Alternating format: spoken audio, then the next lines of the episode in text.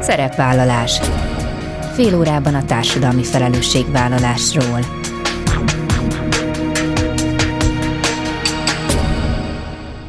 Jó napot kívánok! Bíró Bori köszönti Önöket! Adásainkban hétről hétre példákat hozunk arra, hogy egy-egy cég vagy intézmény, netán magánszemély, milyen formában, milyen eszközökkel járul hozzá anyagi gondok, társadalmi problémák orvoslásához, az életminőség javításához, a fenntartható fejlődéshez. Így módon is kifejezve, hogy felelősséget érez azért a környezetért, amelyben él és dolgozik.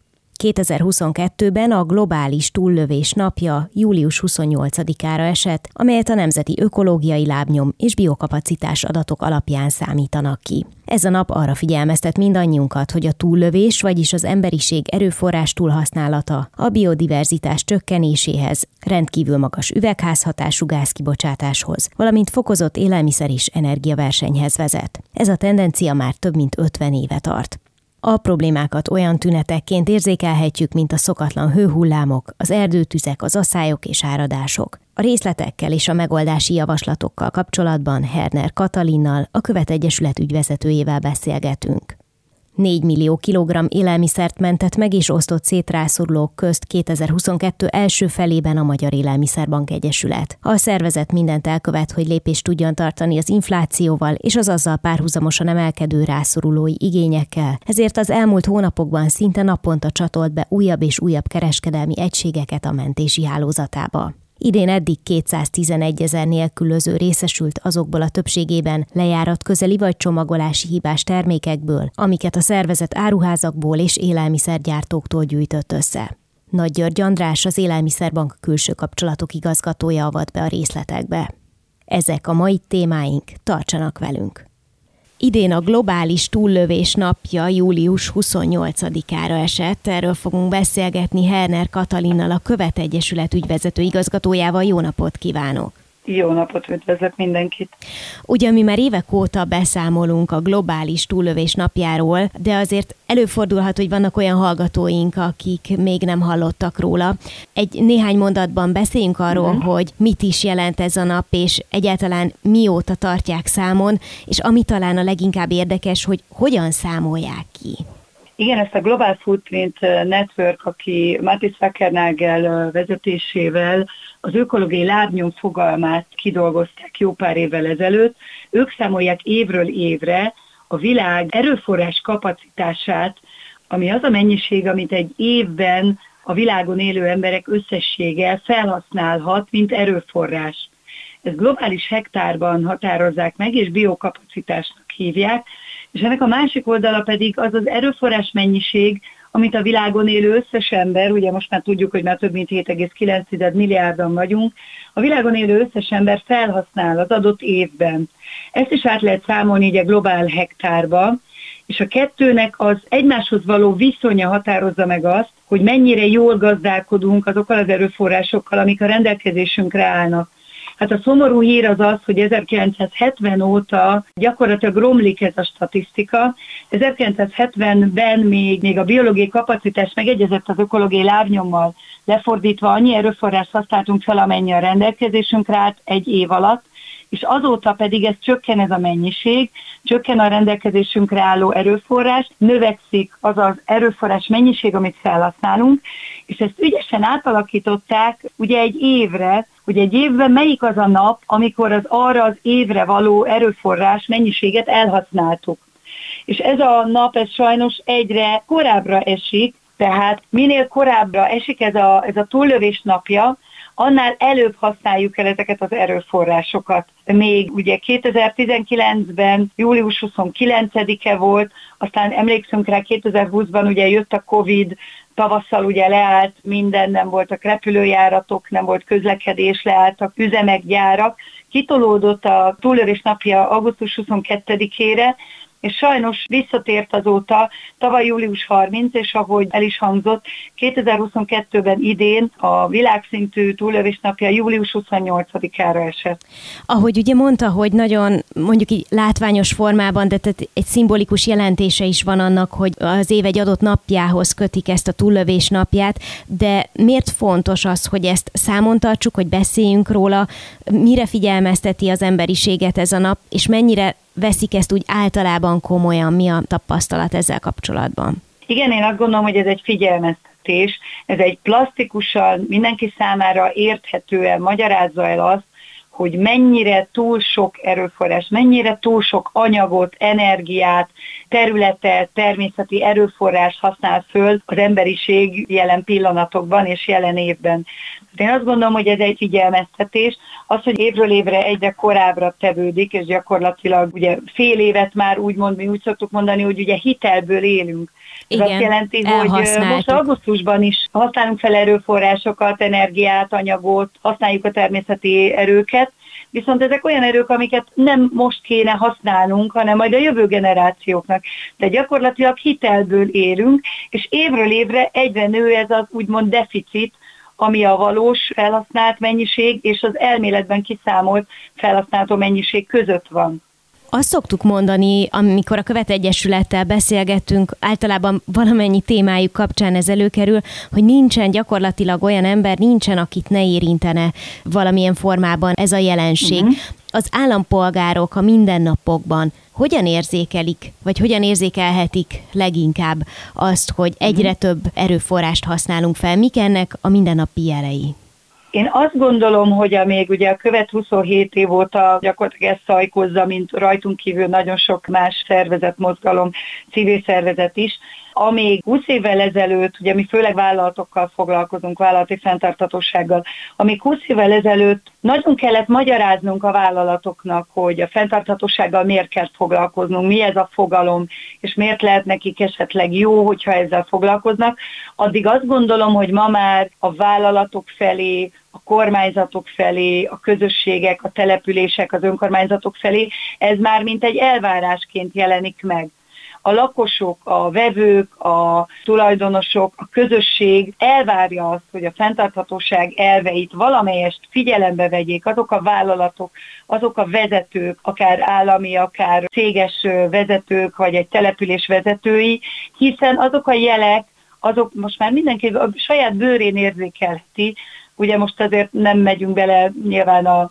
jelen gazdasági és politikai helyzetbe, de az, hogy az energia, amit felhasználunk, az anyagok, amiket felhasználunk, azok nem végtelen erőforrások, hanem egy véges erőforrással gazdálkodunk, hol jobban, hol kevésbé jól. Ez a globális túlélésnap pont azt mutatja meg nekünk, hogy rosszul gazdálkodunk ezekkel az erőforrásokkal, túl sokat használunk fel belőlük. Túlságosan is a, nem a szükségleteinket elégítjük csak ki az erőforrásokkal, hanem az extra, akár luxus igényeinket is. És ezzel azt veszélyeztetjük, hogy a jövő generációk, de már akár a mi életünkben pár tíz évvel ezután az alapszükségleteinket nem lesz miből kielégíteni, hiszen ahogy mondtam, ezek, egy, ezek véges erőforrások. Azok az anyagok, amiket beépítünk az elektronikai kütyüjeinkbe, amiket nap mint nap felhasználunk, akár az építőanyagok, akár a, még ha azt mondom, a, a napelemek működéséhez, a villamosautók akkumulátoraihoz, ezek nem végesek, hanem ezek bizonyos mennyiségű van, ami elérhető, és utána ezek elfogynak. Mm, ha ezt nem veszük figyelembe, akkor olyan zsákutcákba kerülünk, amiből azt gondolom, hogy nehéz lesz kimászni az az időszak, amiben most van az emberiség, azért elképzelhető, hogy egy elég nagy vízválasztó lesz. Arra gondolok, hogy vajon mekkora felkiáltó jel lehet egyrészt az mhm. asszály, másrészt az Ukrajnában zajló háború, vagy akár a pandémia. Ugye egy fél mondat erejéig említette már, hogy a pandémia évében szépen látványosan visszaesett a fogyasztás érthető módon, csak ugye uh-huh. aztán újra visszaállt az eredeti, vagy ki tudja, hogy mi volt az eredeti, de hogy aztán ez sajnos visszaállt. Amikor csak fogyasztunk, fogyasztunk, akkor talán nem az -e az életciklus egy idő után, hogy valaminek történnie kell ahhoz, hogy észhez térjenek az emberek, és ahogy kiderüljön, hogy valóságban is, hogy ez így nem mehet tovább, ahogy ezt az imént uh-huh. Katalin is említette. Abszolút, és megmondom őszintén, hogy nyilván mindenki nagyon sajnálta a pandémia helyzetét, de mi, akik ezzel foglalkozunk fenntarthatósággal, azt gondoltuk, hogy ez talán egy jó tanuló pénz, vagy egy pofon az emberiségnek, hiszen azért nem lehet ezt teljesen elkülöníteni ezektől a, a túlzott erőforrás használatoktól, a túlzott globalizációtól, attól, hogy maga a pandémia, maga a vírus ennyire gyorsan tudott terjedni és körbeérni a világon, ez is mutatja azért a problémáit jelen gazdasági és társadalmi rendszerünknek. Mi azt gondoltuk, hogy ez talán egy elég intőjel. Sajnos, ahogy véget ért, úgy inkább azt láttuk, hogy megint csak a, a GDP növelése lett az előtérben, megint csak a gazdasági növekedés, megint csak a fogyasztásnak a túlzott hajszolása, tehát mintha nem tanultunk volna ebből a jelből, ezért lehet, hogy akkor még nagyobb, még erősebb jelre van szükségünk, és ezeknek a jelei sajnos látszanak. Egy dolog, hogy aki esetleg érdeklődik, hogy az ő saját fogyasztása mennyiben felel meg annak a kapacitásnak, ami rendelkezésre áll, vagy ő mennyiben járul hozzá, egy picit hajlamosak vagyunk ugye úgy kezelni ezeket a kérdéseket, hogy ez, hát mi csak egy ilyen csepp vagyunk a tengerben, ezt az államok vezetői, meg a nagyvállalatok vezetői kell, hogy megoldják, mm, azért azt látnunk kell, hogy itt 7,9 milliárdan ezt így együtt hoztuk össze és azt is látni kell, hogy a vállalatok például azt gyártják, amit mi aztán megveszünk. Erre számos bolykot volt már a múltban, ugye, hogyha a vásárlók bolykotálnak egy-egy terméket, akkor lehet, hogy a vállalat azt odafigyel rá, és akkor változtat esetleg a termékpalettán. Ha valaki kíváncsi erre, akkor a követ oldalán, a www.követ.hu oldalon van egy egyéni ökológiai lábnyomszámlálónk, ahol meg lehet nézni azt, hogy mekkora az én saját hozzájárulásom ehhez az egészhez, melyek azok a területek, amelyek a saját életmódomból hozzájárulnak ehhez az erőforrás használathoz, és a végén nagyon érdekesen megkapom azt, hogyha mindenki úgy élne a Földön, mint én, akkor hány bolygóra lenne szükségünk. Húha, ez, ez, ez tud... ajánlom, hogy egy picit számolgasson. És ez tud egy kicsit félelmetes is lenni, nem? Egy adott pont. Nagyon félelmetes, így van, és akik kitöltötték, sokszor visszük kiállításra, ilyen helyekre, nagyon meglepődnek az emberek, amikor ezt kitöltik, így van. Nem baj, azt gondolom, hogy ez lehet az egyik megoldás, vagy legalábbis a szemfelnyitás, egy, egy ilyen ökolábnyom kalkulátor többek között. Köszönöm szépen Herner Katalinnak, a Követ Egyesület ügyvezető igazgatójának, és további jó munkát kívánok Önöknek. Köszönöm szépen.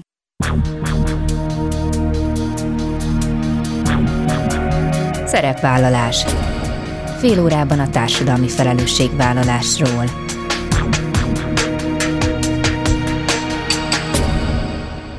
Következő néhány percben az Élelmiszerbank első fél évének eredményeit értékeik, és a telefonások szeretettel köszöntöm Nagy György Andrást, az Élelmiszerbank Egyesület külső kapcsolatok igazgatóját. Jó napot kívánok! Jó napot kívánok, én is üdvözlöm Önt is, és a hallgatókat is. Azt olvasom, hogy nagyjából 4 millió kilogramm élelmiszert mentettek meg és osztottak szét a rászorulók közt 2022 első felében.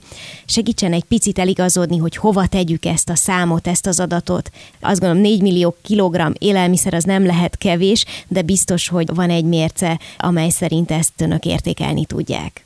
Ha a megelőző évek adataihoz szeretnénk mérni, akkor gyakorlatilag pont ugyanannyi élelmiszer tudtunk megmenteni ebben az első hat hónapban, mint az előző évnek a azonos időszaka. Azonban azt tudni kell, hogy egy nagyon komoly válság és komoly kihívások azok, amik az áruházláncokat és a kereskedőket is sújtják, és természetesen a lakosságot is az elmúlt hónapokban, sőt akár az elmúlt évben és egyre kevesebb élelmiszer tudunk menteni egy-egy egységből, hiszen az elmúlt hónapokban egyre inkább újra szabták a beszerzési rendszereiket, a raktározási rendszereiket a kereskedők, és mi ennek ellenére meg tudtuk őrizni ugyanazt a szintet, mint amit a tavalyi évben mentettünk. Ezt úgy tudtuk elérni, hogy az év elején még 400 áruházból mentettük minden nap az élelmiszert, azonban az év közben 170 új boltot tudtunk országszerte becsatolni ebbe az élelmiszermentő hálózatba, amit az élelmiszerbank működtet, így most már 576 áruház az, ahová minden nap ellátogattunk, és az előző nap megmaradt zöldséggyümölcsöt, pékárút és egyéb termékeket összegyűjtjük. Ha szeretnénk elképzelni, hogy ez a 4 millió kilogramm ez mit is jelent, akkor talán a napi mennyiséget érdemes magunk elé képzelni, ami kb. 22-23 ezer kilogramm Ahogy említettem, ez elsősorban ebből az 570 áruházból érkezik, azonban vannak gyártók és kereskedők, akik közvetlenül a termékeiket, például csomagolási hibás termékeket az élelmiszerbanknak a központi raktárába továbbítják, és ezeket az élelmiszereket gyakorlatilag az összes mentett árut, azt karitatív szervezeteknek a segítségével tudjuk szétosztani szerte az országban. Azt körülbelül lehet egyébként tudni, vagy nyomon követni, hogy a karitatív szervezetek révén, de nagyjából hányan részesültek a mentett élelmiszerből? Az első fél évben összesen kb. 211 ezer rászorulóhoz jutottak el az adományaink, ennek a legnagyobb része egyébként havonta vagy még gyakrabban kapott tőlünk élelmiszercsomagokat, hiszen együttműködünk például gyermekotthonokkal, bentlakásos szociális intézményekkel, fogyatékkal élőket segítő szervezetekkel, hajléktalan központokkal, családok átmeneti otthonaival. Ezek mind-mind olyan intézmények, ahol gyakorlatilag folyamatosan napi szinten látják el ugyanazt a gondozotti kört. Azonban vannak olyan velünk együttműködő intézmények, szervezetek is, mint például nagycsaládos egyesületek, vagy akár különböző karitatív célú rászorulókat segítő, rászoruló gyerekeket segítő nyári táborok például, ahová szintén eljutottak az adományaink, ők ritkábban vagy akár alkalomszerűen kaptak ezekből az élelmiszerekből. Általában egy-egy élelmiszercsomagunk az kb. 3 és 5 kg közötti mennyiséget jelent, és ahogy említettem, kb. 170 ezer emberhez jutnak el rendszeresen a csomagjaink, összességében pedig 211 ezer nélkülözőnek tudtunk segíteni. És az elmúlt évekhez képest változott esetleg a segítséget kérők, hát mondjuk így összetétele, tehát lehet azt látni, hogy mondjuk milyen társadalmi csoportból kerülnek ki leginkább vagy jellemzően a rászorulók? Az élelmiszerbank alapvetően ugyanazokkal a partnerszervezetekkel dolgozik, olyan szociális fejlesztés biztosító intézményekkel, akik nem csak az élelmiszereket osztják, hanem emellett például tanodákat működtetnek, vagy mentális betegeknek segítenek, vagy megváltozott munkaképességű embereknek segítenek visszatérni és integrálódni a munkaerőpiacra. Tehát eh, mivel mi folyamatosan velük próbálunk a lehető legtöbb segítséget elérni és kifejteni, a legnagyobb hatást elérni. Éppen ezért az összetétel az nem változott jelentősen, ugyanakkor minden egyes partnerünk jelzi azt, hogy egyre többen jelentkeznek nála ezeken az élelmiszerosztásokon, tehát hogyha volt olyan nagy családos közösség, vagy akár család, szülőpár, aki eddig nem vette igénybe ezeket az élelmiszerosztási lehetőségeket, akkor most mégis megjelennek. Gyakorlatilag trendszerűen azt lehet felismerni, hogy akár azok is jelentkeznek élelmiszerosztásra, akiknek például van stabil munkahelyük, hiszen az elmúlt hónapokban annyira megemelkedett az élelmiszereknek az ára, gyakorlatilag az infláción belül is az élelmiszer áremelkedés a legjelentősebb. Szóval már ezek a stabilabbnak tűlő egzisztenciával rendelkező emberek is jelentkeznek az élelmiszerosztásokon. Azt azonban fontos tudni, hogy az élelmiszerbank minden esetben menti az élelmiszer, tehát a feleslegeket gyűjti össze a kereskedelemből, és csak ezt tudjuk továbbosztani. Éppen ezért láthatóan és várhatóan a második fél évben nőni fog a megkeresések és az igényeknek a száma. Ezt mi úgy tudjuk ellensúlyozni és minden igényt kielégíteni, hogyha újabb áruházakban és újabb gyártókkal tudunk kapcsolatba lépni, és újabb áruházakból tudjuk elhozni az élelmiszereket. Reményeink szerint a második fél évben ezt meg tudjuk tenni, és tovább tudjuk bővíteni ezt a egyébként karitatív szervezetekre és önkéntes munkára alapuló élelmiszermentő hálózatot. Az élelmiszermentésnek, ha mondhatom így, akkor van a szociálison túl egy másik nagyon fontos ága is, ez az élelmiszer pazarlás, és az arra való felhívás, hogy figyeljünk oda arra, hogy minél kevesebb élelmiszer kerüljön a kukába. Ezzel is viszonylag sokat foglalkozik az élelmiszerbank, és az imént már említette az inflációt. Én azt sejtem, vagy talán lehet következtetni arra, hogy ahogy tényleg egyre csak emelkednek az élelmiszerárak, a pazarlás kérdése is talán még inkább égetőbbé válik. Ezzel ezzel terveznek komolyabban vagy erősebben foglalkozni a következő időszakban? És tudom, hogy a magánemberektől egyébként nem tudnak ilyen formában begyűjteni élelmiszert és azt a rászorulók számára továbbadni, de az élelmiszer pazarlás kérdése az talán nem választható le egészen erről a témakörről.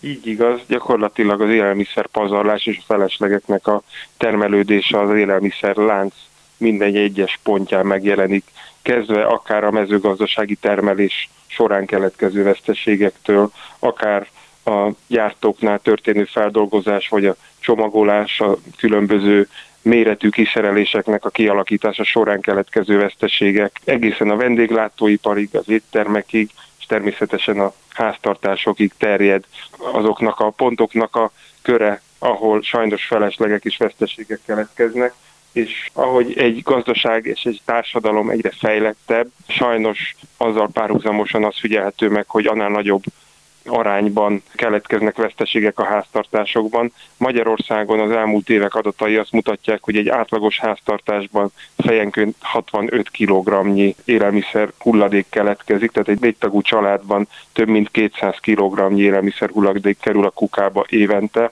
és ennek a fele egy apró odafigyeléssel néhány praktikus fogással elkerülhető lenne ahogy említette ön is, az élelmiszerbank innen nem tudja visszamenteni az otthonokból a, a megmaradt feleslegeket, hiszen az élelmiszerbiztonsági kockázatot jelentene a rászorulók számára. Nem tudjuk garantálni, hogy hogyan tárolták az otthonaikban az emberek a különböző termékeket, de ettől függetlenül is nagyon fontos az, hogy visszafogjuk ezt a fajta pazarlást. Most már az emberek pénztárcáját is egyre inkább érinti, és érezhető az a tendencia, hogy már a fiatalabb korosztály is megbecsüli az élelmiszert, az elmúlt években inkább azt tapasztaltuk, hogy inkább csak az idősebb korosztály, aki már akár élt a legutóbbi nagy háborúk idején, ők azok, akik valóban nem dobnának ki még akár egy kenyérhéjat sem. Most azért erre a teljes társadalom sokkal inkább odafigyel.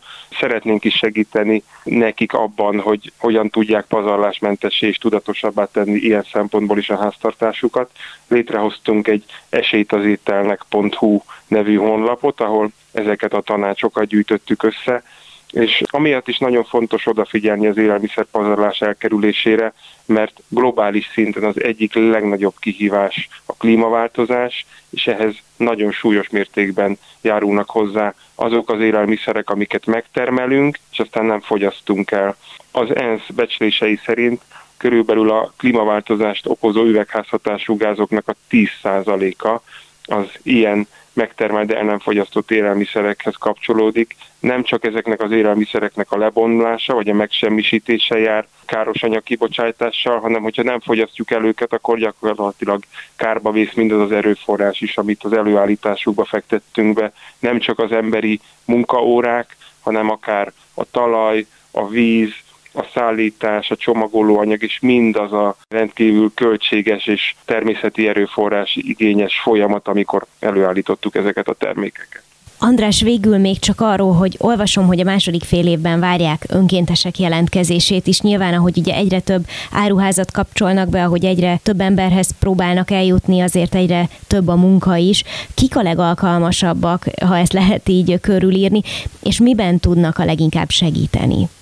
Az Élelmiszerbank Egyesület gyakorlatilag a kezdetektől fogva, tehát az elmúlt 17 évben nagyon nagy mértékben önkénteseknek a munkájára építette a tevékenységét, gyakorlatilag akik megálmodták ezt a szervezetet és ezt az élelmiszermentési folyamatot, ők maguk is önkéntes tevékenységként vágtak bele ebbe, és a mai napig annak érdekében, hogy átlátható legyen minden egyes élelmiszercsomagnak az átadása, hogy garantálni tudjuk azt, hogy valóban oda jutnak az adományaink, ahol a leginkább szükség van rá. Nagyon sok önkéntes működik közre például az elszámolásoknak az ellenőrzésében, tehát administratív tevékenységben, az irodánkban, a 17. kerületben. Ők gyakorlatilag irodai munkát végeznek az élelmiszerbanknál. Jellemzően egyébként érdekes módon az idősebb korosztály, akár nyugdíjasok azok, akik nagyon hasznos munkát tudnak nálunk végezni. Azt szoktuk kérni a jelentkezőktől, hogy próbáljanak legalább heti egy napot rászállni erre a munkára, jöjjenek el hozzánk, egy nagyon vidám és egyébként dolgos közösségben fogják találni magukat. Tehát várjuk olyan emberek jelentkezését, akik administratív irodai munkában tudnának rendszeresen, legalább hetente egyszer segíteni.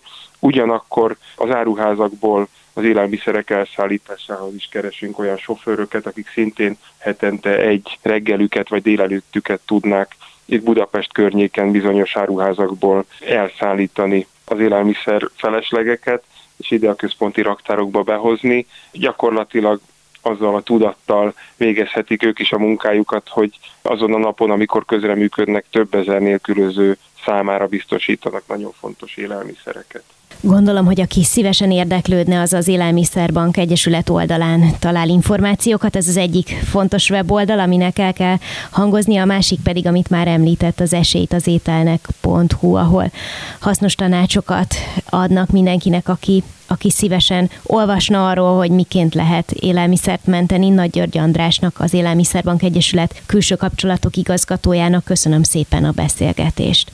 Én is köszönöm szépen, minden jót kívánok. Ennyi fért a mai műsorba, legközelebb jövő héten szombaton 13 órakor jelentkezem. Ha még nem tették, kövessenek minket közösségi oldalainkon, a Facebookon, az Instagramon és a YouTube-on. Ha bármiről lemaradtak volna, az adást a Klubrádió weboldalán is vissza tudják keresni. És most már egy jó ideje podcast formában is elérhető a szerepvállalás. Keressék a Spotify, a Google és az Apple podcastek felületein, ahol bármikor meghallgatható a műsor. Köszönöm, hogy velem tartottak, további kellemes online rádiózást kívánok. Bíró Borit hallották.